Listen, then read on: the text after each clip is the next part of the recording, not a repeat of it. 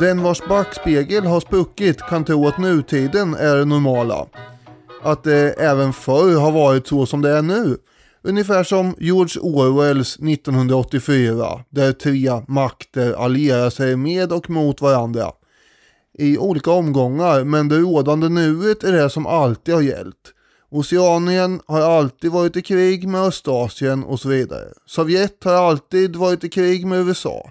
Eurasien har alltid varit allierat med Oceanien. Sovjet har alltid varit allierat med Kina. USA har alltid varit i krig med Kina. Eller? Så är det ju inte riktigt. Även om man lätt kan hamna i sådana tankebanor eftersom, hur var det nu? Eh, Sovjet och Kina var ju sådana där inga kommunister. Så de höll väl ihop mot kapitalisterna i USA. Båda ansåg väl hela tiden att USA var den ultimata fienden. Kommunister som de var. Och hur är det nu för tiden nu igen? Jo just det, Ryssland och Kina med antingen obefintlig eller häftigt nedtonad kommunism är ju alltjämt vänner i det globala maktspelet. Så ser det åtminstone ut på ytan.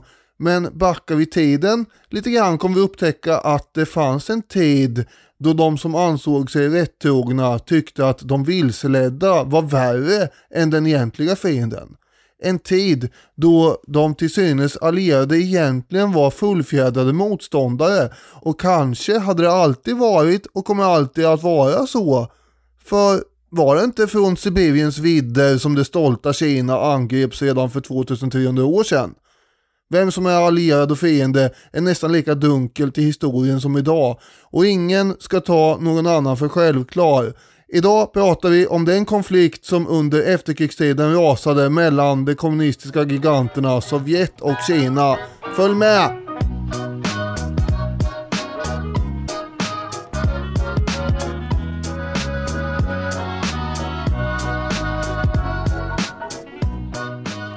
Då hälsar vi er varmt välkomna tillbaka till Historiepodden. Det här är ju andra avsnittet för eh, säsongen, men det är första som jag och du Daniel spelar in året 2024 efter julledigheten. Så är det och eh, det är ju trevligt att vara tillbaka i eh, min fåtölj här som jag sitter i när man spelar in det här. Mm. Det, det är lite som ett eh, förarsäte. Så är det ju. Fåtöljen känner man igen, men bakgrunden är en ny. Jag vet inte hur intressant det är. Du, du har flyttat. Jag har tagit mitt pick och pack och flyttat igen Ja, långväga flera kilometer in i eh, metropolen Ringarum. Ja, nu är jag tillbaka i eh, ground zero höll jag på att säga. Alltså själva, vi har gått eh, fullfjädrade 360 grader här. Det tog bara drygt 20 år. Nu är jag tillbaka i Ringarum. I pojkrummet där du växte upp. Det hade ju varit väldigt mycket 360 grader, men så illa är det inte. Ja, under 13-helgen så svängde jag förbi och, och tittade till din nya boning och det ser väldigt ståndsmässigt ut. Fint var det. Jaha, tack. Ja, det är en vanlig villa förvisso, men det är väldigt fint. Då undrar vi Daniel, om vi ska använda den här skalan som Franske Bengtsson introducerade i vårt avsnitt om eh, snö och vinter, Just det den här hur mycket värmeledningsmänniska man är. Har du blivit mer eller mindre värmeledningsmänniska nu när du bor inne i tätortsbebyggelse? Ja, nu har jag ju inte bott här så himla länge då än, men eh, alltså att bo mitt ute på vischan, vilket jag gjorde, är ju, det är lite eh, tärande på eh, psyket, även om det är bra för fysiken, då man måste hålla på och skotta och greja hela tiden. Så att, ja, det, det fanns väl ett annat skäl förknippat med den där levernet som gjorde att man eh, tyckte att nu, nu får, får det räcka, nu tar vi och flyttar in till en, en ort istället. Eh, så att eh, om något har jag väl ökat min tendens att vara värmeledningsmänniska ännu mer eh, än eh, en sån här vintermänniska eller vad det var Bengtsson kallade det. Det tycker jag låter klokt ändå. Min nästa fråga handlar om hur vi rubricerar det här avsnittet så att alla vet vad det ska handla om då. Du hade ju en elegant jämförelse med 1984, men om man bara istället konkret beskriver det. En akademiker skulle säga att det här som då är relationen mellan Kina och Sovjet under kalla kriget, det är sino-sovjetiska relationer. Mm. Har vi någon klatschigare rubrik att sätta än så? Ja, men man gillar ju allitterationer. Kommunisternas konflikt är väl bra? Det kommunistiska käbblet. Ja, Den, ma- den marxistiska maskurret. det var Det- riktigt dåligt. det var kanske inte så bra. Och sen då, även om käbblet går att stava med K så blir det ju sh-ljud. Ja, Jag gillar Nej. bättre kommunisternas konflikt. Ja, okej. Ja, det, det är tydligt. Allitteration. Vi kör på det. Ja, och eh, alltså det finns ju mycket intressant att säga här om Kinas historia överlag under 20-talet och framåt. Va? Ja, det gör förstås jättechock. Va? Finns det något intressant att hämta här? Ja, men det är såklart eh, en stor skål att ösa ur. Ja, det är ju liksom både inbördeskrig och världskrig och dessutom en massa interna partiförvecklingar i eh, de här partierna. Men, men här kommer vi ju då fara fram rätt fort i bakgrunden vill jag bara så att säga slå fast. Och fokuset kommer ju att vara relationen med Sovjet från 50-talet och framåt. Ja, Och med det sagt ska vi ändå ha en bakgrund. exakt. Vi lägger på lite musik och så sen så backar vi bandet.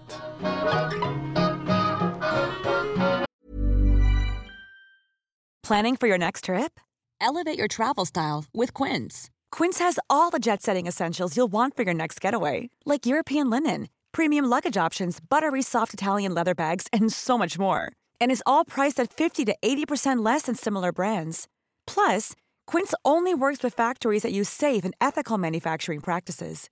Pack your bags with high-quality essentials you'll be wearing for vacations to come with Quince. Go to quince.com/pack for free shipping and 365-day returns. Hiring for your small business? If you're not looking for professionals on LinkedIn, you're looking in the wrong place. That's like looking for your car keys in a fish tank.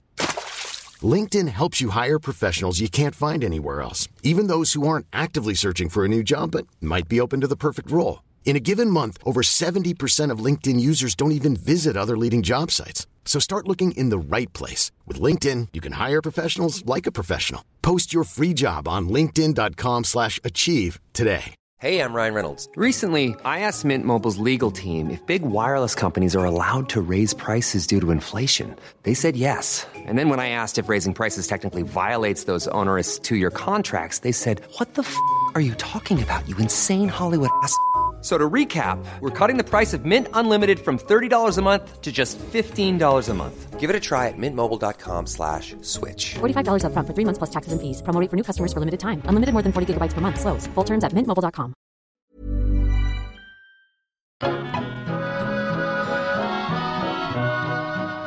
1919, då, då bildas kommunistiska internationalen Komintern.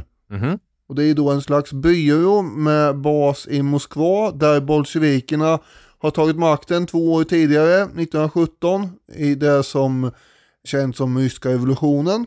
Det är som en samordningsorganisation för de kommunistiska partierna och den kommunistiska rörelsen i och med att den är internationell. Precis. Och syftet är då att hjälpa och stödja världens övriga kommunister som sagt i någon form av samordning här. 1921 grundas KKP, Kinas kommunistiska parti, med hjälp av stöd från Komintern just. Och i Sovjet så trodde man då enligt eh, marxistisk teori inte riktigt att Kina var redo för någon revolution än. Nej.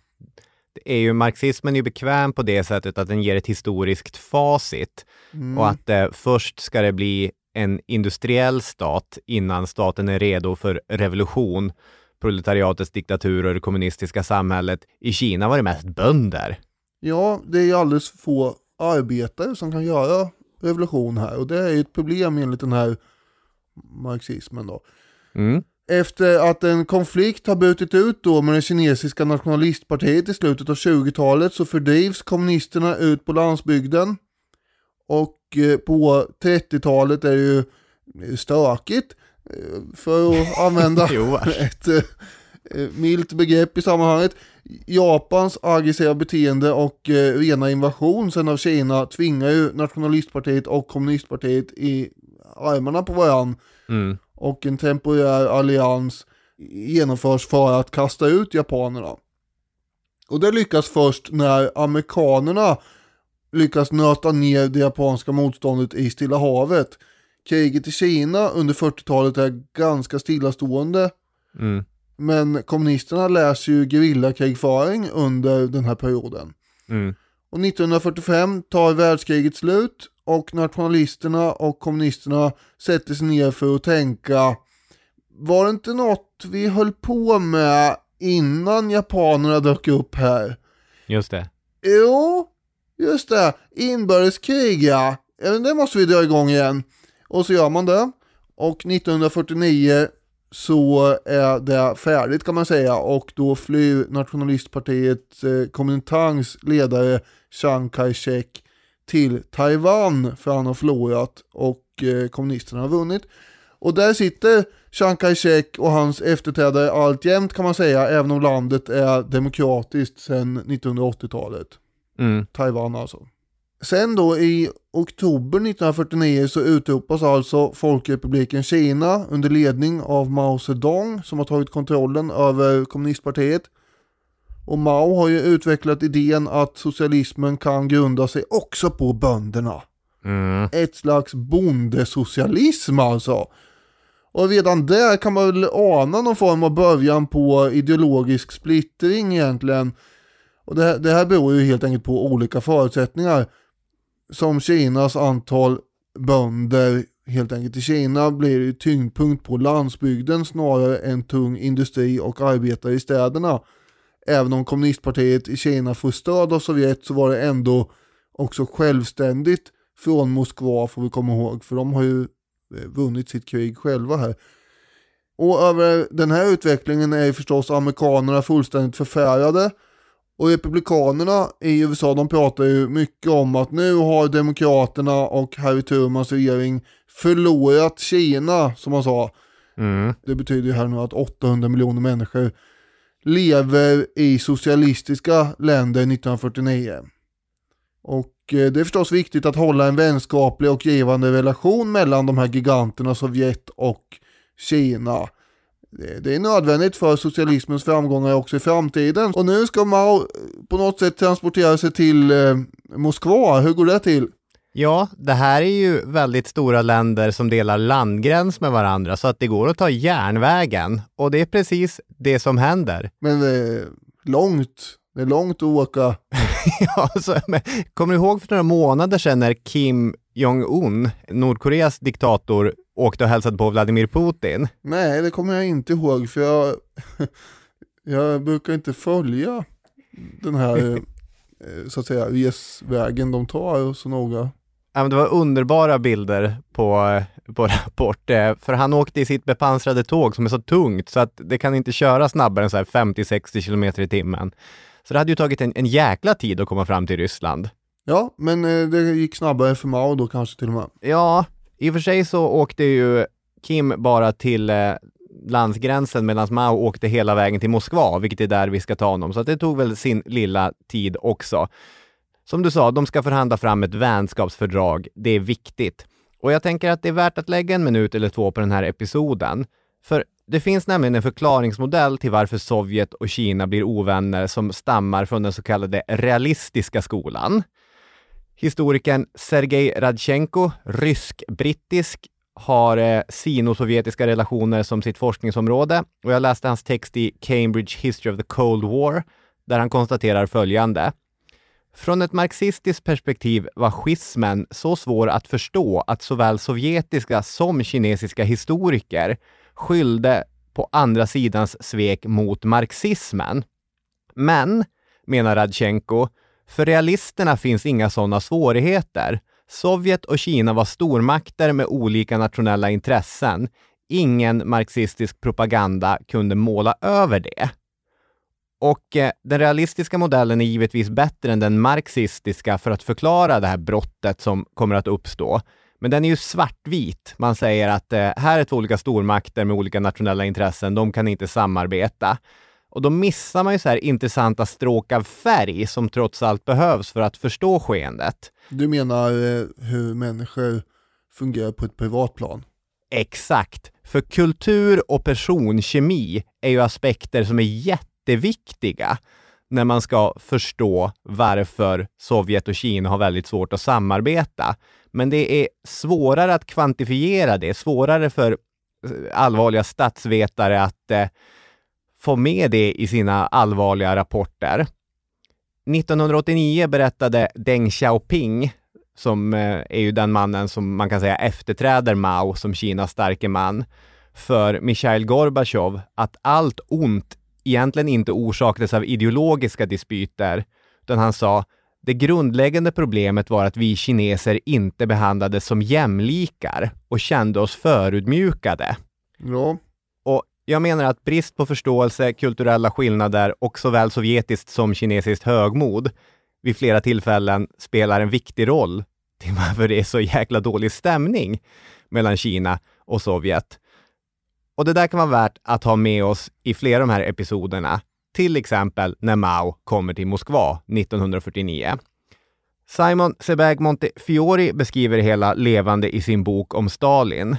Tåget rullar in på perrongen i Moskva och på plats står utrikesminister Molotov. Med sig har han också Nikolaj Bulganin som kanske är försvarsminister vid den här tidpunkten. Han är ju en sovjetisk höjdare oavsett vilket. Och det första som händer är att Mao öppnar sin tågvagn och så bjuder han in de sovjetiska representanterna att eh, kliva ombord. Han har förberett en kinesisk måltid för Molotov. och här agerar ju Molotov mycket diplomatiskt. ja, Inte. nej, han vägrar. han ska inte sätta sin fot på en jäkla kinesisk tågvagn. Nej. Nej, det är... Då blir Mao på dåligt humör. Ja, han hade ju lätt till eh, att hoppa ner i det facket ja. Ja. Och eh, det där dåliga humöret som Mao blir på där på perrongen, det håller i sig under hela Maos vistelse i Moskva. Mm. Så ja, han kliver av och så kommer en chaufför som skjutsar ut Mao direkt till en av Stalins datchor. Och några timmar senare anländer Stalin för första gången. Där sitter de, Stalin och Mao. Två av 1900-talets allra värsta diktatorer.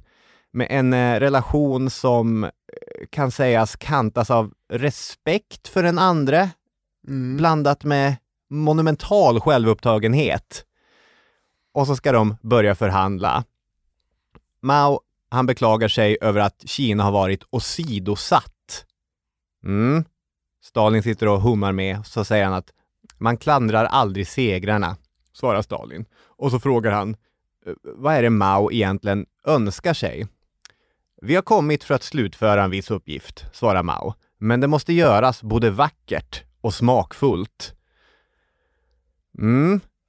Stalins ingång i det hela har varit att han vill skriva under ett papper som erkänner de landvinningarna som Sovjet har gjort under andra världskriget och som inte förändrar maktbalansen på något sätt. Och nu sitter han här med en kines framför sig som pratar som om han vore en lyckokaka. Det ska göras vackert och smakfullt. Det betyder ju att det ska göras lite grann på villkor som också passar Kina. Ja, Ja, det här var ju kryptiskt. Som en lyckokaka. De står ganska långt ifrån varandra och Mao säger att jag kan, jag kan ringa hit min premiärminister, men det vill Stalin absolut inte. Om inte de här två kan lösa det, varför ska man då lägga, under, lägga ut det på underhuggande? Och så blir Mao kvar där. I flera veckor sitter han i datchan och surar. Mm. Och han beklagar sig över att i Ryssland finns intet annat att göra än att äta, sova och skita. Det här skämtet är han mycket nöjd med. Han säger det till eh, sina underhuggare. Han berättar det öppet för Molotov och dessutom så är han ju avlyssnad hela tiden. Och han drar det hela tiden. Och ryssarna, de är lite stötta över det här. De tycker att Mao är vulgär också. Är det ens ett skämt? ja, han tyckte i alla fall att det var kul. Han levererade det som om det vore ett skämt. Ja. Med jämna mellanrum, det tycker jag är kul, på tal om kul, så kommer Molotov och Bulganin dit för att, eh, som Montefiore skriver, likt en abbot prövar en novis, förhöra Mao om marxismen. Och rapporterar förfärat tillbaka till Stalin att Mao inte ens har läst Kapitalet. Inte ens det. Nej. Ja, nej, Ja. det är ju, är man verkligen, eh, är man verkligen marxist då? Ja, det, man undrar. Ja, det fanns ju som sagt en del eh, privat gnissel här och eh, kulturkrockar och allt möjligt. Men det fanns ju också de här, eh, vad ska man säga, teoretiska skiljelinjerna. Mm. Alltså, Mao höll ju inte med om allt som Sovjet och Stalin representerar. Ryssarna hade ju under 20-talet redan uppmanat de kinesiska kommunisterna att ni ska göra revolt i städerna i enlighet alltså med hur ryssarna själva hade gjort. Eh, Det kommer att funka, sa ryssarna och så gjorde det inte det. Utan eh, det slutade i blodiga fiaskon. Mao hävdar att hundratusentals kommunister hade stupat i de här meningslösa försöken att göra revolt i städerna. Och Stalin hade ju under hela världskriget betraktat Kominternledaren Chiang Kai-shek som sin samarbetspartner istället för, alltså inte den kommunistiska Mao då. Och eh, Mao hade ju hela tiden känslan av att han var underlägsen och sånt där. Mm. Men eh, under det här mötet då så kom man ändå fram till någon form av samförstånd till slut. Och det är ju, ja, det, det, apropå det här att han bjöd in dem i vagnen och skulle äta middag där, så var det Ja. ju en massa andra, vad ska man säga, gåvor och sånt också som lämnades över. Till exempel fick ju, fick ju tydligen då Sovjet en massa vagnar ris. Bara här får ni. Och eh, det där ska då Stalin ha delat ut en massa ris till sina underhuggare. Bara här får ni lite ris ni kan eh, knapra på. Och i gengäld så viskar då eh, Stalin i Maos öra tydligen på något sätt då i alla fall att eh, ja, mina agenter för övrigt i den kinesiska eh, politbyrån, det, namnen är de här, bla bla bla bla bla. Och eh, det tar ju Mao glatt emot då, och sen när han kommer hem så avlivar han ju de här agenterna. Ja, Det här är väl väldigt cyniskt gjort egentligen. det är eh, 100% cyniskt. Men Och- också typiskt för Stalin ju. Ja, verkligen. Så är det ju. Och på det sättet förstår de ju varandra, de här två ledarna. Ja, Det är i början av januari 1950 som förhandlingarna påbörjas på riktigt och då är det premiärministern Su Enlai som sitter tillsammans med den nya ryske utrikesministern Wyszynski, annars mest känd för att han ledde Moskvaprocesserna på 30-talet. och eh, för att eh, man aldrig kan ifrågasätta hans ord. Just det. Nu pratar vi om Wallenberg-affären. Ja, det var Östen Undén som sa, tror ni att Wyszynski ljuger? Ja, skulle, skulle han ljuga? Ja, det är fortfarande roligt att han var så eh, tvärsäker på att eh, Wyszynski aldrig skulle kunna ljuga. Ja. Till sist får kineserna komma till Kreml för att slutföra det hela och här vill jag läsa ett favoritcitat från eh, Seberg Montefiores bok. När Stalin inbjöd Mao att dansa till hans grammofonmusik, en unik ära för en besökande ledare, vägrade han. Det kvittade. Pokerspelet var över. Medan Stalin reserverade rollen som den internationella kommunismens överstepräst åt sig själv tillät han Mao att spela en ledande roll i Asien. Och det, är, det har hänt att eh, Stalin erbjuder Mao Zedong den unika äran Vill ni dansa till grammofonmusik? Men eh, Mao, Nej, han säger nej. det här vill och jag inte vara med om. Ännu sorgligare att det inte hände. liksom, där dansar Mao till Stalins grammofonmusik. Det hade varit något. Ja, den 14 februari så håller man en stor bankett på ett eh, hotell där de här två stora ledarna, ja, de sitter tysta och eh, grymtar. Men även om de inte är de bästa vänner så är de ändå lite imponerade av varandra och de har rott ihop ett eh, sino-sovjetiskt avtal. Mm. Ja, det här leder ju fram till att man sluter alltså det här vänskapsförbundet och en militär allians. Sovjet kommer att låna ut 300 miljoner dollar och eh, man sänder flera tusen forskare, ingenjörer och tekniker till Kina för att sparka igång industrialiseringen där som behövs. Och dessutom stödde då Sovjet med eftertryck att kommunist-Kina skulle representera staten Kina i FN istället för Taiwan som det var nu då. Och eh, man kan säga att Kina byggs upp efter stalinistiska principer. Det ska vara jordbrukskollektivisering och vi ska ha personkult och så vidare. Det var väl framförallt Mao som tyckte att det där verkar vara en bra grej. Och eh, under de här förhandlingarna så hade då Sovjet försökt få Kina att avstå territorier till Sovjet, men det hade Mao vägrat förstås. Så det hade varit eh, lite sådana diskussioner också om territorier ju. Mm. Stalins tolk har ju då beskrivit känslorna under de här förhandlingarna som att själva rummet där samtalen hölls var som en scen, där en demonisk föreställning utspelade sig. När Stalin kom in var det som om alla slutade andas eller frös till is. Från USAs perspektiv så är det här väldigt eh, oroväckande. Det ser ut som att Kina och Sovjet är mycket mer samspelta än de egentligen kanske var. Ja, alltså om man färglägger en världskarta får du ett enormt rött block här. Ja, så är det. Och, så har vi då Koreakriget som drar igång 1950 där kineserna Mm. sluter upp på Nordkoreas sida som då är kommunistiskt och eh, FN-trupperna de eh, erövrar nästan hela Nord så att säga. Mm. Det är då Kina ger sig in i leken. Men samtidigt som tiotusentals kineser också då stupar så ville inte Stalin riskera en öppen konflikt med USA. Nej. Och istället så begränsar man det sovjetiska engagemanget till bara luftstrider. Och eh, då krävs det alltså att ryska piloter, de ska ha kinesiska uniformer, de ska flyga under nordkoreansk flagg och absolut inte prata ryska på radion inte. Mm. Och dessutom ska då de sovjetiska trupperna, de ska inte stå under ledning av varken kinesiskt eller nordkoreanskt befäl.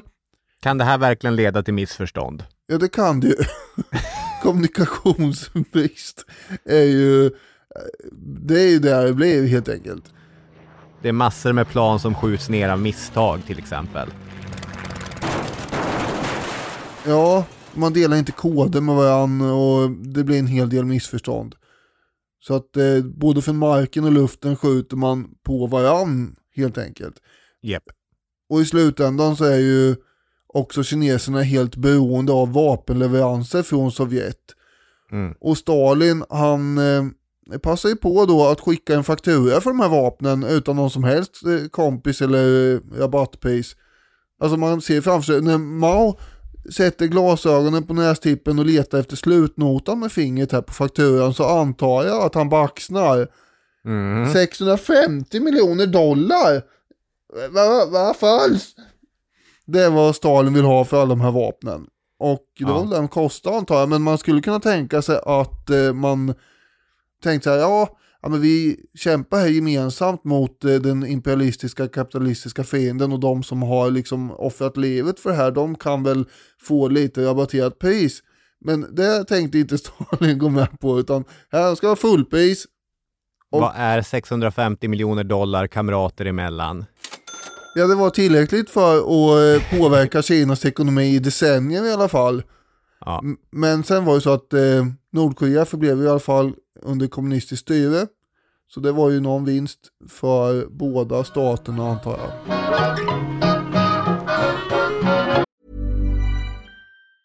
Many of us have those stubborn pounds that seem impossible to lose, no matter how good we eat or how hard we work out. My solution is PlushCare. PlushCare is a leading telehealth provider with doctors who are there for you day and night to partner with you in your weight loss journey. They can prescribe FDA-approved weight loss medications like Wagovi and Zepbound for those who qualify. Plus, they accept most insurance plans. To get started, visit plushcare.com slash weight loss. That's plushcare.com slash weight loss. I'm Sandra, and I'm just the professional your small business was looking for. But you didn't hire me because you didn't use LinkedIn jobs. LinkedIn has professionals you can't find anywhere else, including those who aren't actively looking for a new job but might be open to the perfect role, like me. In a given month, over 70% of LinkedIn users don't visit other leading job sites. So if you're not looking on LinkedIn, you'll miss out on great candidates like Sandra. Start hiring professionals like a professional. Post your free job on linkedin.com/achieve slash achieve today. Planning for your next trip? Elevate your travel style with Quince. Quince has all the jet setting essentials you'll want for your next getaway, like European linen, premium luggage options, buttery soft Italian leather bags, and so much more. And is all priced at 50 to 80% less than similar brands. Plus, Quince only works with factories that use safe and ethical manufacturing practices. Pack your bags with high-quality essentials you'll be wearing for vacations to come with Quince. Go to quince.com slash pack for free shipping and 365-day returns.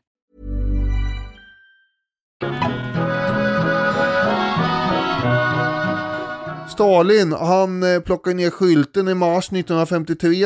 Mm. Och de första åren med efterträdaren kan man säga Nikita Khrushchev som Sovjets ledare blir ju, det blir lite mer avslappnat och lite bättre kontakt mellan länderna i början. Khrushchev han lånar ut pengar och sådär ännu mer. Och eh, de båda kommunistledarna, eh, de enas ju också i synen på Ho Chi Minh och Vietnamkonflikten och sådär. Mm. Mao kände sig nog lite mer bekväm med Khrushchev ändå. Han var inte i underläge som förr. Han tänkte nog att det, det nästan var så att han kunde bli den socialistiska världens främste ledare istället va. Just det. Och det är ju alltid bekvämt att eh, tänka på sig själv som i överläge. Är det lite grann som i eh, senaste säsongen av eh, The Crown när Tony Blair nås av nyheten att eh, Al Gore har förlorat valet mot eh, George W. Bush. Och han säger att det är tråkigt, men nu kommer jag vara den seniora parten i det här samarbetet. Ja, det är möjligt att det går att göra den jämförelsen. Det är förvisso sant att Tony Blair då hade haft fler år som regeringschef, men det var väldigt svårt att styra George W. Bush Ja, från London. ja, det är svårt att styra. Det var väl tvärtom det blev va? Som man hade kunnat tänka sig också. Mm. Sen kommer då, om vi ska återgå till 50-talet, en skarp gir i sovjetisk politik under februari 1956 då den 20 partikongressen ska hållas. Mm. Och här kommer det beryktade talet där Khrushchev sliter fram allt elände som Stalin har ställt till med. Mm. Det är upp med all illaluktande, unken och förkastlig politik. Så om det vore en kompostpåse som man kastar upp på bordet istället för en sko. Det var inte i samma sammanhang men ändå. Alltså upp med all skit helt enkelt och Khrushchev domderar där från talarstolen. Han fördömer sin forne chefs alla utrensningar och det är tortyr och skenrättegångar och hela personkulten kring Stalin var ju rutten. Mm. Och hur många har egentligen inte skickats av ren paranoia till de här lägren för att dö? Mm. Det är många. Ja det är många. Och Kuster själv är ju egentligen så, han har varit delaktig i det här. Ja, så är det i och för sig. Men eh, det, han har varit en av de här uppskrämda ledarna då förstås menar han. Så han är ju, han försöker dribbla bort sin egen roll i det här kan man väl säga. Men kort och gott så är det så att Sovjetunionen byter med stalinismen. Mm. Och kvar står ju då kineserna, högst förvirrade, var inte så här, ska vi inte göra så här längre? och Maos egen personkult har ju då byggts upp som sagt efter stalinistisk stil. Och Mao har ju också offentligt hyllat Stalin som en stor tänkare och ledare. Och, och hur går det ihop med det här nu då? Ska han också behöva backa? Det har han inte lust med. Kineserna rynkar helt enkelt på näsan åt Khrushchevs tal. Det luktar kompost, men inte så att man, innehållet ska ju inte återanvändas. Det hade Khrushchev varit väldigt tydlig med. Utan det är bara, det är dåligt det här som de har gjort i Moskva nu. Ja. I Kina uttryckte sig också försiktigt då uppfattningen att eh, man hade gått för långt i den här avstaliniseringen i Sovjet. Den var överdriven. Ja, ja, skrev man i tidningarna. Stalin har väl gjort vissa fel förstås här, men han hade ju inte fel i allt, utan tvärtom så hade han fler rätt än fel, skriver man. Gunnar Heckscher, som har skrivit boken Asiatiskt maktspel en gång i tiden, på 80-talet, Mm. han har skrivit så här då. Stalins bild hängde länge tillsammans med porträtt av Marx, Engels och Lenin i kinesiska samlingslokaler. Om Khrushchev hade man aldrig något gott att säga. Visserligen gavs hans tal ut på kinesiska, men det angavs uttryckligen vara därför att man ville ha underlag för att kritisera dem. Det kommer ju att vara en ganska långsam och ska man säga, gradvis bytning här. Mm. 1958 så hade Mao påbörjat sin ekonomiska och politiska kampanj Det stora språnget. Det var ju avsett att med ett snabbt och rappt kliv skulle Kina närma sig sina konkurrenter i produktion. Och det här är också en eh, egen kinesisk lösning genom att dela in landet i folkkommuner om cirka så här 20 000 per folkkommun så skulle kineserna få uppdrag att kollektivt driva jordbruk som också producerade tung industri, järn och stål. Och den här reformen, det var ju ingen succé. Den ledde ju till dels massor med totalt undermåliga industriprodukter som man inte kunde använda, men ännu allvarligare en akut brist på mat. Man vet ju inte hur många som dog som en följd av det här. Det är ju 20 miljoner en vanlig uppskattning, 45 miljoner. Och Stora språnget blev ju ett så stort misslyckande så att eh, även Mao behövde ta ett steg åt sidan under en period och räcka över tyglarna till andra politiker som kunde gjuta olja på vågorna och liksom lugna ner situationen lite grann. Och i slutet av 1950-talet så fick Mao öppen kritik från exempelvis den kinesiska försvarsministern. Så vi har nu, samtidigt som eh, Khrushchev har stått och fördömt Stalin, så har vi alltså kinesiska ministrar som försiktigt säger att Mao är inte ofelbar. Ja. Mao har brister. Det här hade inte kunnat hända i Stalins Sovjet. Det hade inte kunnat hända i Stalins Sovjet och eh, frågan är om det kan hända i Maos Kina. För det viktigaste för Mao blir ju då att hålla ögonen öppna efter partifientliga eller revisionistiska krafter. Han gör en storstilad comeback under den tionde partikongressen i augusti 1962. Då har Mao hittat en glosa han gillar, det är klasskamp. Och det här är en direkt kommentar till Khrushchev, för Krusse har nämligen sagt att klasskampen, den är utspelad i ett harmoniskt socialistiskt samhälle, som tydligen Sovjetunionen då skulle kunna räknas till. Mm. Och det här menade Mao, det var, det var att eh, likställa med en återgång till kapitalismen. Och efter han har först eh, markerat eh, sitt ideologiska missnöje med Mao, då går han vidare till att fördöma sådana revisionistiska tendenser även i Kina. Man behöver inte vara särskilt konspiratorisk för att misstänka, tänker jag, att det som egentligen oroar Mao, det är ju att hans position hotas av andra politiska krafter på hemmaplan. Och om Stalin hade suttit kvar i Sovjet, då hade han ju, som du sa, han hade ju mejat ner motståndet. Men nu har Mao problemet att ledaren i Sovjetunionen själv var en revisionist. Och eh, det tänker jag delvis förklarar varför Mao så aktivt eh, motarbetar och eh, egentligen på, på många sätt avskyr Nikita Khrushchev eftersom Khrushchevs syn på, på kommunismen är ett hot mot Maos egen position. Sen är ju Khrushchev också en ganska klumpig politiker, både på hemmaplanet och på det utrikespolitiska planet, vilket vi märker i att allt han gör irriterar kineserna. Mm. Ja, så vi har ju en massa olika aspekter som gör att det här inte blir någon bra soppa. Ja, ja soppa blir det ju. Det är en riktig soppa.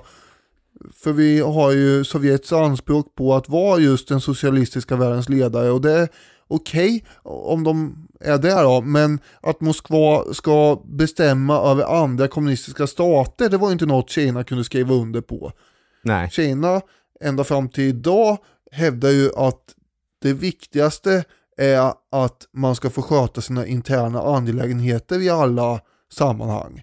Mm. Och när det då gäller den här typen av sovjetisk hegemoni, alltså makt och inflytande över andra, så motarbetas ju det då från Peking. Och första gången det verkligen blir allvar är ju i samband med Ungernkrisen 1956. Mm. Som det står då i Bonniers världshistoria. Under de följande åren påverkade kineserna förhållandet mellan Sovjetunionen och Östeuropa på ett sätt som var otänkbart tidigare. De stödde Gomulkas självständiga linje i Polen och de stödde också Imre Nagy i Ungern så länge han uppträdde som nationell kommunist. Men de biträdde rysk intervention när han lämnade den rollen. Mm. Ännu i oktober 1957 så upprätthålls ju den här fasaden mellan Kina och Sovjet utåt att man, eh, man håller ihop va. Mm. Sluta ett försvarsavtal och allt där Sovjet lovar att erbjuda försvarsteknologi, kanske till och med kärnvapenteknik till Kanske. Kina. Ja. Och under en konferens då mellan kommunistländerna så erkänner Kina i november 1957 att jo, ja, Sovjetunionen har alltjämt den ledande rollen i eh, den socialistiska världen, så det var inga konstigheter. Nej. Och Sovjet har ju då visserligen erövrat Östeuropa under andra världskriget och upprättat regimerna där. Det är möjligt alltså för Moskva att hålla på och domdera där på ett eh, annat sätt än med kommunistiska stater som de själva inte har upprättat. Men Kina ogillar ändå den typen av, vad ska man säga, fränhet mot kommunistiska stater samtidigt som eh, Sovjet har attityden mot den verkliga fienden USA att man är mer och mer återhållsam helt enkelt i kritiken mot eh, USA och eh, de kapitalistiska länderna. Så att eh, Kina tycker det är konstigt helt enkelt att man eh, ska dalta med USA samtidigt som man är så himla frän och hård mot kommunisterna i andra stater. För Sovjet har ju under både egentligen Stalin och ännu mer under Khrushchev försökt undvika en konflikt med USA.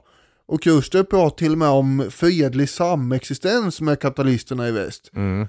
Och det gick ju absolut inte ihop med Mao och eh, kinesernas tankar på världsrevolution som de fortfarande var inne på. Nej. Så Khrushchev, han, alltså han har ju till och med varit på statsbesök i USA 1959. Vilket kanske blir ganska intressant att återkomma till i ett annat avsnitt någon gång, för det var ju spektakulärt. Men Mao och gänget, de vill absolut inte veta av någon acceptans av det kapitalistiska systemet som USA står för. Så de tycker ju lite grann att Khrushchev är en svikare också här. För Mao är ju alltjämt USA den imperialistiska ondskan som måste bekämpas. Det är ju det som är så kul eller förvirrande med det här, därför att den sovjetiska självbilden och Khrushchevs självbild är ju att eftersom de är en marxistisk stat och marxismen är en vetenskap så agerar de ju alltid vetenskapligt och rationellt i, i marxismens namn. Mm. Så de förstår ju inte hur Kina kan ha invändningar mot det. Det, det finns eh, citat från Khrushchev när han sitter med sina rådgivare och säger Berätta för mig vad vi har för problem med kineserna. Jag vet inte, jag vet inte. Kineserna är dumskallar. Mm. Vad som har hänt är ju den här klassiska grejen att kättarna har blivit värre än saracenerna. Ja. Så är det ju på Jag vet sätt. inte om det var någon rådgivare som sa så till Khrushchev. ja, men de, de har ju olika de har ju olika uppfattningar om hur man ska gå tillväga för att nå den här socialismen och eh, i förhållande till den egentliga fienden och Ja. allt det här.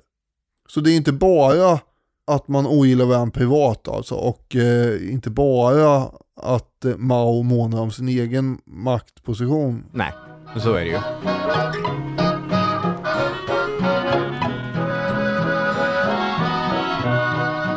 Sen kommer vi då till eh, katastrofbesöket i juli 1958.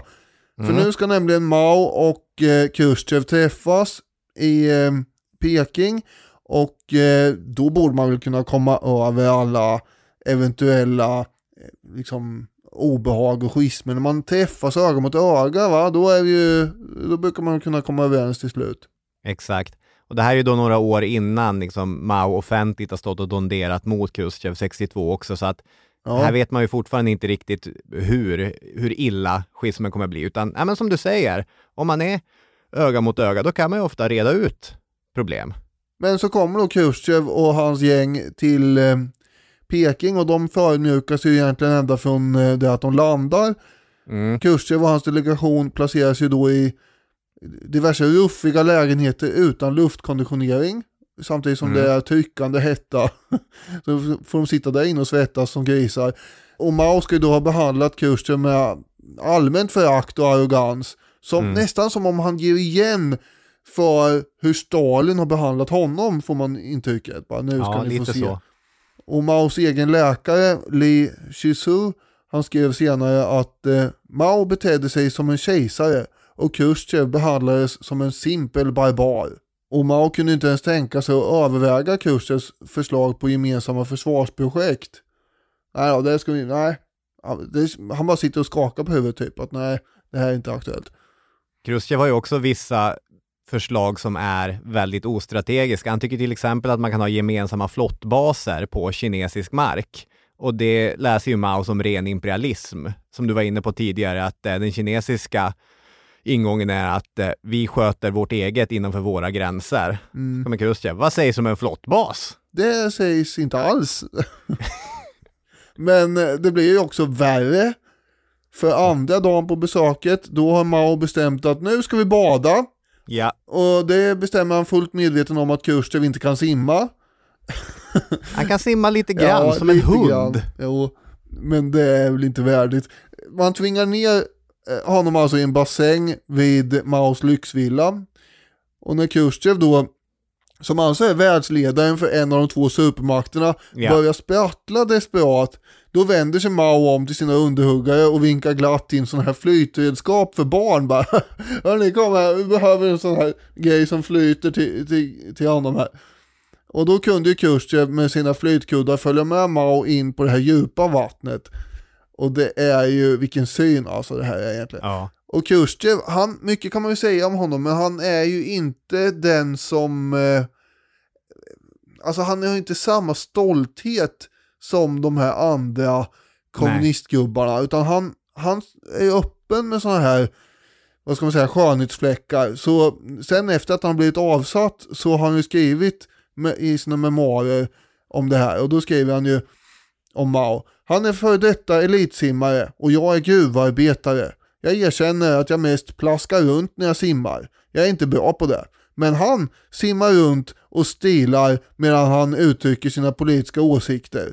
Det var Maos sätt att försätta sig själv i överläge, skriver han. Mm. Ja, det är nog en eh, äktheten i de där memoarerna är ju inte alla helt överens om, men om vi lämnar det åt sidan så är det en helt korrekt beskrivning av, av verkligheten. Det här är ju en härskarteknik. Mm. Stalin hade inte gått ner i Polen. Nej, verkligen inte. det är ju fånigt ens tänka tanken. 1959 sen så gör man faktiskt ett nytt besök, konstigt nog. Och då går det faktiskt ännu sämre. Mao blir ju ursinnig på att Khrushchev håller på att prata så gott om Eisenhowers utrikespolitik där borta i USA. det då. Och eh, det här besöket skulle pågå i sju dagar men det var ingen som stod ut så länge med det så det avslutas efter tre dagar bara. Mm. Och sen kommer den här friktionen bara rulla på. Det är ju efter det här och i samband med det här också som eh, Khrushchev är väldigt kritisk mot det här stora språnget som du beskrev innan. Sen har ju Khrushchev ibland lite otur också. Han ror ju i hamn en vapenaffär med Indien som köper en massa MIG-plan, helikopter och transportplan från Sovjetunionen. Och den första leveransen hinner knappt anlända till Indien innan det bryter ut ett krig mellan Indien och Kina om var i bergen som gränsen mellan länderna egentligen går.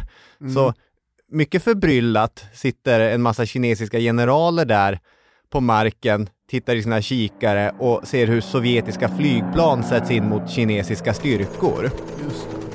Det. var, det var mycket märkligt och först då försöker Khrushchev släta över det hela genom att poängtera att ja, men om vi inte säljer vapen till Indien då trycker vi dem bara mot USA. Vi måste ändå kunna leverera vapen till Indien. Sen allt eftersom han märker hur Maos stenansikte inte flyttar sig en millimeter från sitt hålögda, oimponerade grunduttryck så avbryter han istället plötsligt alla framtida vapenleveranser till Indien. Nej, det här är mest att betrakta som ett missförstånd. Ja, ja. men det är ändå så att det här är dåligt för relationen. Ja. Alltså ingenting går ju Khrushchevs väg. Man kan ju också se hur eh, Kina läser Kubakrisen. För i, i, oktober 62 då så håller ju Khrushchev först på att orsaka ett tredje världskrig genom att skicka missiler till Kuba. Till hans försvar så redar han ju upp det hela i sista sekund och det blir inget tredje världskrig. Det var ju tur. Men hans... så kan man ju beskriva det. Ja, ja. ja det är klart, han håller ju på att sjabbla till allting för hela mänskligheten och allt annat liv på jorden här, så är det ju. Men det ja. var ju tur att han redde upp det då, eller vadå? Ja. Få har varit närmare att sjabbla till det så fruktansvärt. Men, men som sagt, det var tur att han redde upp det. Oh. Och, och Khrushchev, hans grundinställning var ju då att Mao kommer förstå varför jag var tvungen att göra eftergifter för att det inte skulle bli ett, ett tredje världskrig. Det här, det, kineserna fattar det här. Han har inte konsulterat dem när det kommer till att skicka missiler till Kuba. Han har inte konsulterat dem när det kommer till att avbryta upptrappningen eller någonting. Och Kina var inte alls imponerad. Mao menar att Khrushchev sviker Castros revolution, samarbetar med fienden mot en kommunistisk allierad. Ja, men vid det här laget så har ju redan brytningen skett öppet, för det är ju 1962 jag pratar om och brytningen ja. är ju 1960, alltså där det då formellt sett inför hela världen ridån går upp och det visar sig att ja, nej, vi är inte ett dugg ense om någonting egentligen här. Nej. Och Sovjet har ju till och med lagt in veto i FN mot att fastlandskina ska få ta över Taiwans plats i FN och jag menar, där säger ju rätt mycket då. Mm. Ja, så är det ju. Och Kina är allt mer kritiskt mot Sovjets västvänliga hållning och allt det här. Ja, precis. Det är ju i juni 1959 som Sovjet eh, säger upp det här försvarsavtalet man har haft. Man vill, eh, man vill inte hjälpa Kina att skaffa kärnvapen med tanke på konflikterna dels med Indien och andra konflikter eh, som man har med bland annat Taiwan och så. Så det är på våren 1960 som som sagt brytningen blir helt öppen och tydlig och Sovjet kallar då hem alla sina ingenjörer och tekniker från Kina. Vilket gör att en massa infrastrukturprojekt i Kina stannar av helt och hållet. Och nu kan man väl säga att det här gamla vänskapsavtalet från 1949 är helt upplöst som Stalin en gång i tiden hade varit med och jobbat fram. Mm. Under 1962 så började diverse intermesson, som man kan kalla det, uppstå längs den sovjet-kinesiska gränsen. Och eh, propagandabråket kommer eskalera till öppna angrepp också. Kina menar att Sovjet består av en massa revisionister och eh, man beskriver Sovjet som Sovjetimperialismen och så vidare. Och då har man ju använt det värsta begrepp man kan eh, kasta mot någon egentligen ju. Förutom att man också kan jämföra dem med Nazityskland, vilket eh, den kinesiska nyhetsbyrån Xinhua gör då. Jag vet inte hur det är med uttalet där, men man jämför dem i alla fall med Nazityskland och det är ju det är ju inget kul för eh, Sovjet att höra förstås. Men nu Nej, är ju... det är ju fienden såklart. Ja. Som man till mycket stor kostnad har besegrat också. Nej, det är inte ett enda snällt ord som sägs. Jag tycker att det är eh, ganska tydligt. Ja, men I sommaren 63 så åker Deng Xiaoping tillsammans med Beijings borgmästare Peng Zhen till eh, Moskva för att eh, försöka förbättra de här diplomatiska förbindelserna. Men det slutar med att eh, Beijings borgmästare säger de sovjetiska delegaterna att de är chauvinister och borgerliga nationalister.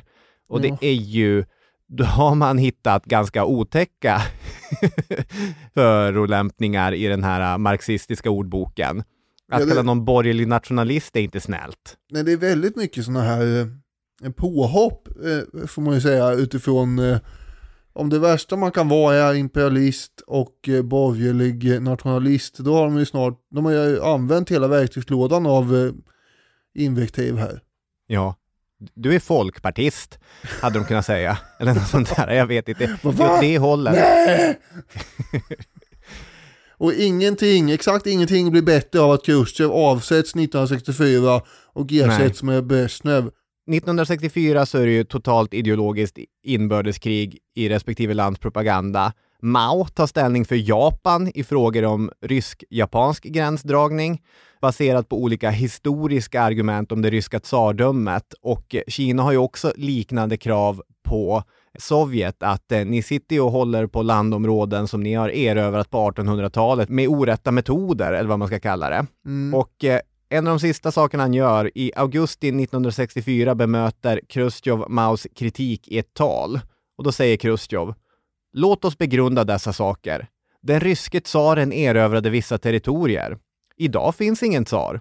Och det finns inga kinesiska feodalherrar. Och det finns ingen kinesisk kejsare.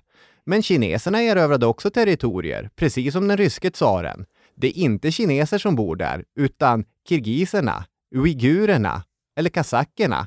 Hur kom det sig att de hamnade i Kina? Det är enkelt. Mao Zedong vet att den kinesiske kejsaren erövrade dessa territorier. Och här har ju Chrusjtjov i och för sig rätt.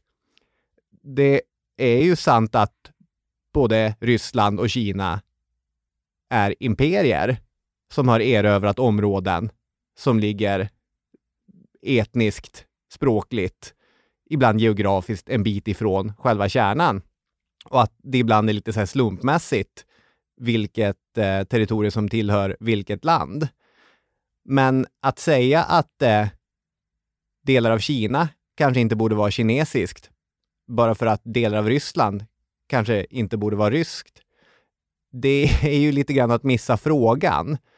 Därför att eh, det är ju bara symboliskt vad kineserna här väljer att klaga på. De är ju missnöjda med allt kring Sovjet. Mm. De underliggande orsakerna är ju inte att man vill ha lite mer av gränstrakterna mot Sovjetunionen. I själva verket kunde Kina vara ganska medgivande när de förhandlade med Mongoliet till exempel. Ta, vill ni ha gränsen där, då, då gör vi så. Utan här är ju problemet Sovjet. Ironiskt nog, när Khrushchev under kuppartade förhållanden blir avsatt så är de sinosovjetiska relationerna ganska långt ner på klagomålslistan som kuppmännen har mot Khrushchev. Vilket också lite grann visar att eh, det har inte gått så bra för honom som sovjetisk diktator, partiledare, ordförande. Nej. Ja, det beror på hur man ser det. Jag kommer ihåg i en eh, sån här um, hatt vi hade där vi skulle försvara och anklaga Ja, folk, vår gamla lek där. Så då ville ju du hävda att Khrushchev hade räddat världen från undergång som sagt. Ja, Som du, Ja. som du var inne på förut här. Men det är också han som har placerat världen vid den randen då, ja. delvis. Nu ersätts han av Brezhnev. En, eh, som jag och du vet, vi är ju väldigt fascinerade av bilden på Leonid Brezhnev där han simmar. Så Ja. han hade ju klarat sig bättre i den där bassängen. Hade han det? För att eh, visst håller han också i ett flytredskap. Jo, ja. Men han har en mycket, vad ska man säga, eh, elegant badmössa. I kinesiska tidningar samsas för övrigt nyheten att eh, Khrushchev har avgått med en ännu större nyhet. Det är två nyheter på första sidan och det är det första lyckade kinesiska kärnvapentestet. Så nu är det två stycken kärnvapenmakter. I och för sig, det fanns ju ett glapp. Sovjet hade fler kärnvapen än Kina, men ändå. Ja. Den här dåliga stämningen då beskriver Gunnar Heckscher på det här sättet. En ironisk iakttagare i Beijing konstaterade vilka risker detta kunde medföra för besökande västerlänningar. Eftersom kineserna inte kunde se på dessa om de var kommunister eller ej kunde det vara av vikt för en besökande till det kommunistiska Kina att kunna klargöra att han alldeles inte var någon bolsjevik utan tvärtom en sann kapitalist. Mm. Och det är otroligt, men det är ju det här med, som vi var inne på med alltså, kättare och, och sådär. Det är bättre att vara en ursprunglig fiende nästan än den som, så att säga, en schismatiker. Ja, Och eh, han skriver också, Heckscher, att man under 60-talets andra hälft i Kina troligen faktiskt räknade med ett sovjetiskt storskaligt anfall. Mm. När man kring årsskiftet 1966-67 började bygga skyddsrum i Beijing kan man ha haft möjligheten av ett ryskt snarare än ett amerikanskt angrepp i tankarna. I varje fall gick propagandan i den riktningen. Då jag våren 1975 fördes runt för att titta på bevattningskanaler i en kinesisk folkkommun framhöll ciceronen för mig att dessa också skulle kunna användas som skyddsrum i händelse av sovjetryska flyganfall. Mm. Det hade ju kunnat bli bättre, alltså relationerna hade ju kunnat tina i och med att Brezhnev är som vi vet mer av en fyrkantig typisk Sovjetpolitiker. Nu skulle vi ju stänga den här luckan som Khrushchev hade öppnat och så. Men Brezhnev tillsammans med sin regeringschef Alexej Kosygin, när de tillträder så säger de öppet att nu ska vi förbättra relationerna till Kina. Men i själva verket så gör de bara saker och ting värre. Det finns en episod som sker i november 64 som jag tycker det är väldigt, väldigt talande till varför de sovjetiska politikerna inte klarar av att bygga diplomatiska broar till, eh, till Kina. Och då är det återigen ett antal kinesiska delegater som har åkt till Moskva. Och då har man en lite så här bankett första kvällen. Och eh, lite sent så ramlar Rodion Malinovski in. Han är gammal hjälte från andra världskriget och är eh, försvarsminister vid det här tillfället och eh, aspackad dessutom. Han kommer in, har lite svårt att stå, stinker av vodka. Nu ska vi prata politik med kineserna. Det verkar lämpligt. Ja, precis. Han har fått en jävla bra idé. Så det första han gör är att han går fram till den kinesiska generalen He Long och så tar han honom under armen och leder honom åt sidan, vinkar dit en tolk. Och så säger han att det finns ett enkelt sätt att förbättra relationerna mellan Kina och Sovjet.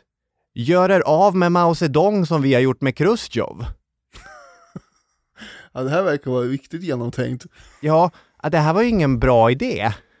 det är ju, och liksom, det, för mig är det helt obegripligt att politiker som har liksom fått sin skolning under Stalin inte förstår riskerna för de Nej. kinesiska motsvarigheterna med ett sådant förslag. För det tar en timme eller två, sen sitter Brezhnev med ett officiellt klagomål från Su Enlai som då leder den här delegationen.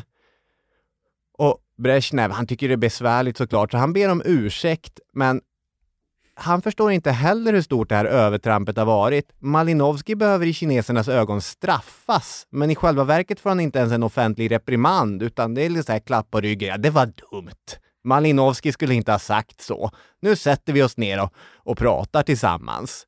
Men det är ju en superstor skymf att eh, Mm. föreslå att gör det bara av med Mao. Sen så, sen så kan vi snacka.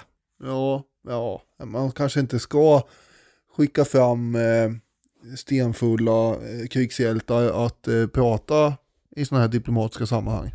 Nej, det, fin det finns nog andra som är bättre lämpade att göra det. Samtidigt så kanske det inte hade spelat så stor roll vad Sovjet hade hittat på överhuvudtaget. För vi har ju, som du var inne på förut, den här interna situationen också. I Kina 1967 så når vi ju kulmen på kulturrevolutionen.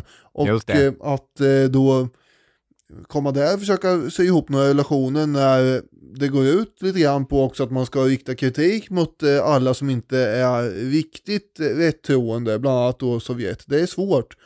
Ja. För, för Sovjet har ju blivit en symbol för det som har blivit fel med revolutionen kan man säga här. Ja, så är det. Ska vi säga att kulturrevolutionen är ju, ska, kan man kalla det en politisk maktkamp där liksom Mao släpper loss framförallt eh, den radikala ungdomen, rödgardisterna, på eh, alla eventuellt äkta eller påhittat oliktänkande inom partiet. Till exempel så eh, ockuperas ju den sovjetiska ambassaden Ja. i flera dagar också. Flera hundratusen extatiska unga rödgardister som sitter där utanför och tycker. Ja. Vi får väl prata mer om eh, kulturrevolutionen någon, någon annan gång kanske. Mm. Men sen har vi också Sovjets konflikt med Tjeckoslovakien. Där blir ju kineserna ganska förvirrade. Hur ska vi göra nu då? För här har vi den tjeckiske politikern Alexander Dubček som har försökt reformera Tjeckoslovakien och ge socialismen ett mänskligt ansikte som man pratar om. Det är ju uppenbarligen revisionistiskt.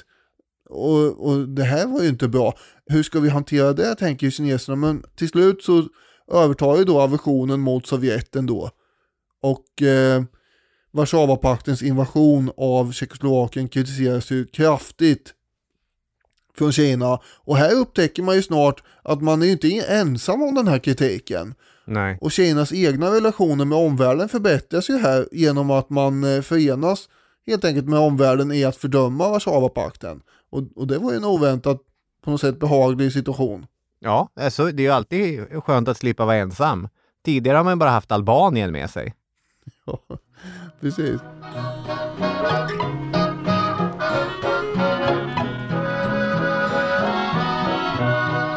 Det var obagligt för Sovjet att man hade behövt knyta allt större försvarsinsatser till gränsen mot Kina. 1967 så hade politbyrån fattat beslut om att stärka sin närvaro i Mongoliet och Kazakstan. Det här beslutet kom tätt efter attacken på den sovjetiska ambassaden i Kina under kulturrevolutionen. Och dessutom förstärkte man alltså sin egen gräns mot eh, Kina. Brezhnev själv motiverar det på följande sätt. Vi förutsätter att ju starkare vårt gränsförsvar är, desto mindre är risken för en allvarlig militär konfrontation vid vårt östra gränsområde. Där hade han fel. I Kina så uppfattade man istället att ju mer styrkor som placerades vid gränsen, desto aggressivare var Sovjets förhållande till Kina. Mm. Och eh, vid det tillfället så valde kineserna att eskalera. Det här sker den 2 mars 1969 då kinesiska gränsvakter och soldater från Folkets befrielsearmé på order från högsta ort alltså lägger sig i ett bakhåll mot eh, KGBs gränsposteringar. Man eh, låtsas vara obeväpnade och så kommer ryssarna fram, så nära inpå, och då rycker man fram dolda kulsprutor som man har under vinterrockarna. Det här är ju i riktigt isiga och, och jäkliga områden. Och så sen så skjuter man mot eh, KGB-soldaterna. Sju stycken av dem faller ner på nära håll. Varpå 300 andra kinesiska soldater stiger upp ur sina skyttevärn och öppnar eld. Det, det är ett traditionellt bakhåll som har genomförts här. Ja, vad man eh, håller på med är att man tvistar alltså om en ö i Usurifloden Mm. som ligger i Manchuriet på gränsen mellan Sovjet och eh, Kina. Och eh, det, det befinner sig alltså en och en halv miljoner soldater från båda sidorna i den här trakten. Så läget är ju väldigt spänt också när, när det här eh, inträffar. Ja, Och eh, snart så skjuts ju också resten av de här soldaterna i ryssarnas enhet ihjäl. Mm.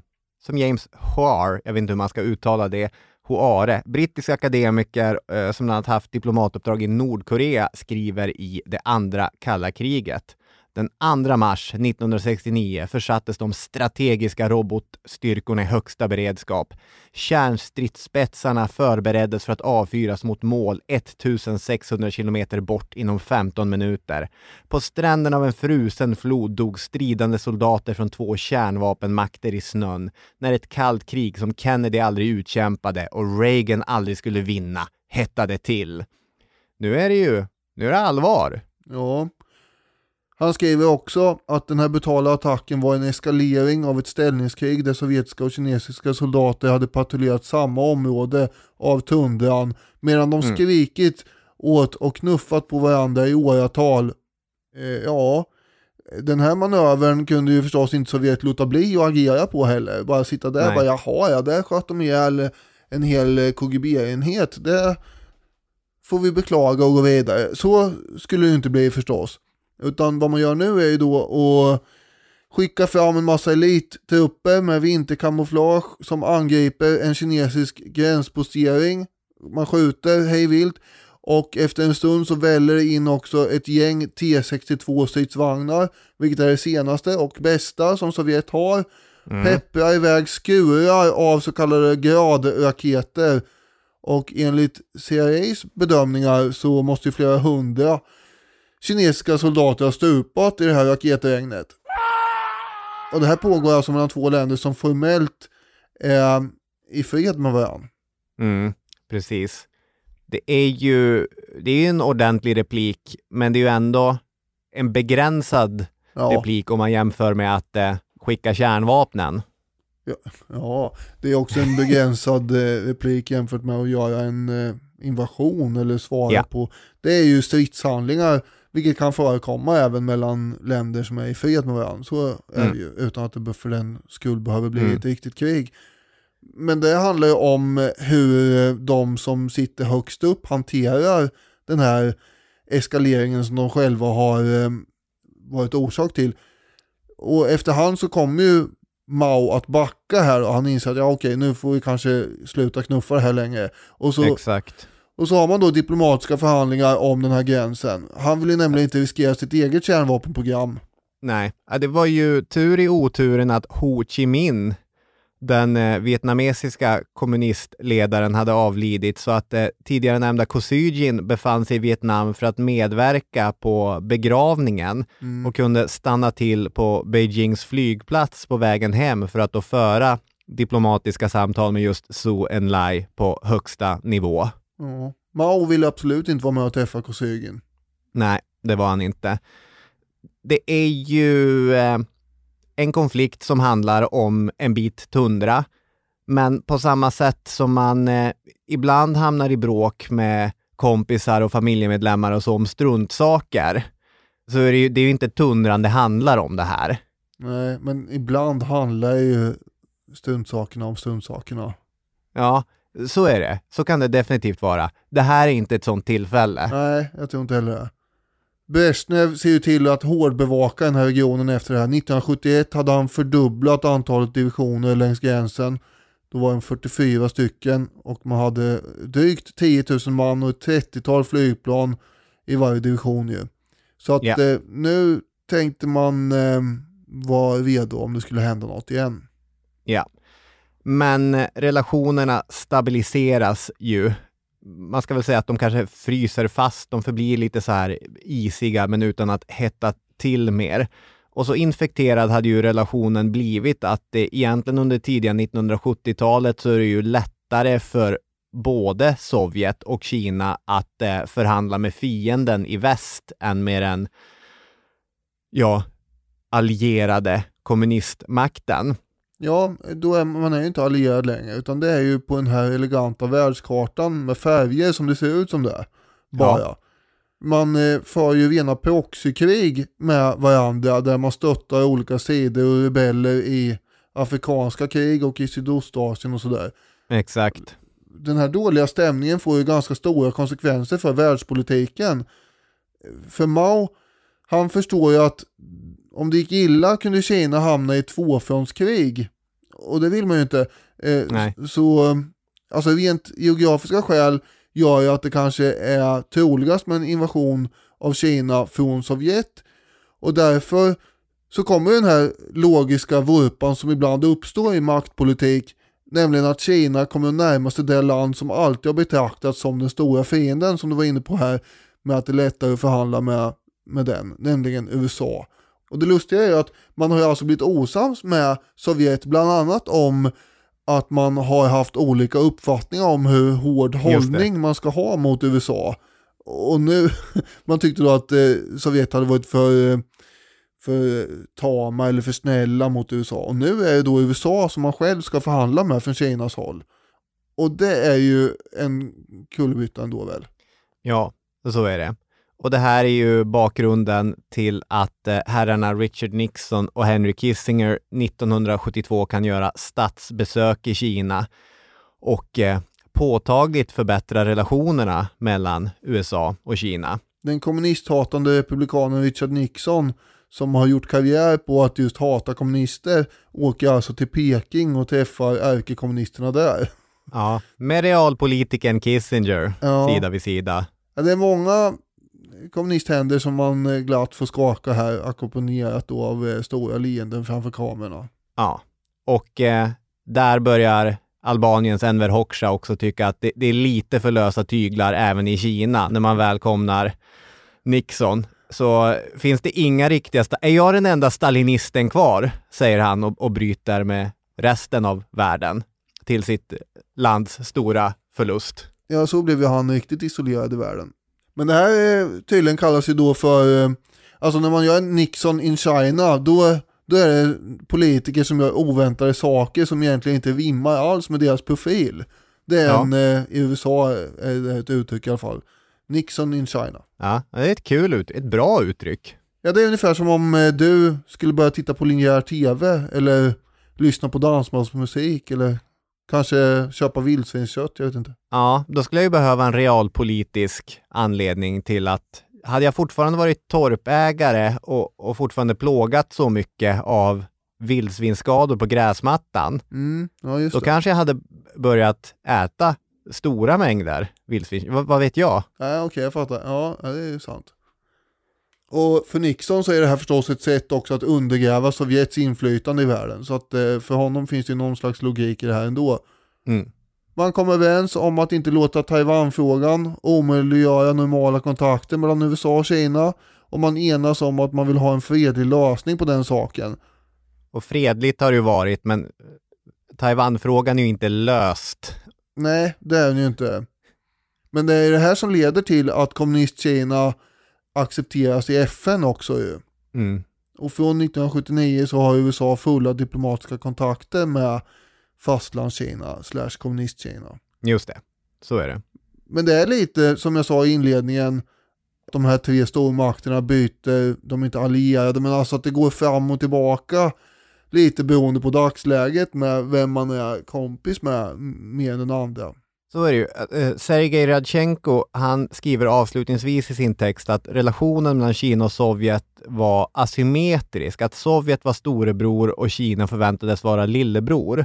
Och den underliggande eh, konflikten då förvärrades hela tiden av bägge ländernas ledarskikt som saknade förståelse, dels för situationen, för de olika nationella kulturerna och ifrån sovjetiskt håll fanns det ibland rena rasistiska idéer som försvårade kontakten med, med kineserna. Maos mål, menar Radchenko, det var att sätta punkt för ett århundrade av kinesisk förödmjukelse. Och inledningsvis så var relationen till Sovjet viktig för det. Men med tiden så blev den ett hinder.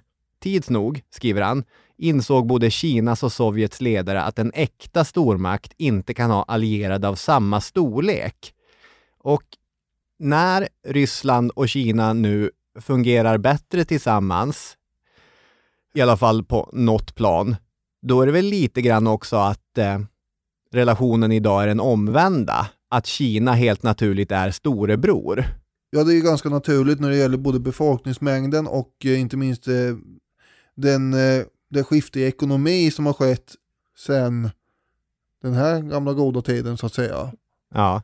Kina är väl betydligt mycket mer ekonomiskt starkt nu än då och starkare än, äh, än Ryssland också. Just det. Är vi nöjda så eller har du någon avslutande poäng att göra? N nej, men jag är glad att vi är igång igen. ja. Nog har sagt om detta. Det tror jag. För tillfället i alla fall. Bada lugnt där ute som eh, Chrusjtjov och Mao hade gjort. Och så hörs vi igen nästa söndag då vi pratar om helt andra frågor. Det gör vi. Ha det så bra så hörs vi då. Yes, hej då med er! Hej hej!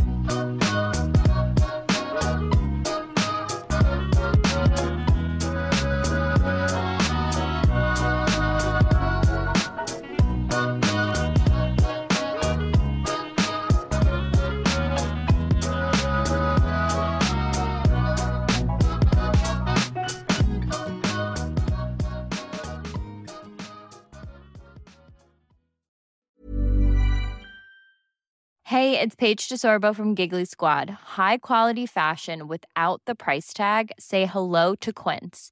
I'm snagging high-end essentials like cozy cashmere sweaters, sleek leather jackets, fine jewelry, and so much more. With Quince being 50 to 80% less than similar brands. And they partner with factories that prioritize safe, ethical, and responsible manufacturing. I love that. Luxury quality within reach. Go to quince.com slash style to get free shipping and 365 day returns on your next order. Quince.com slash style.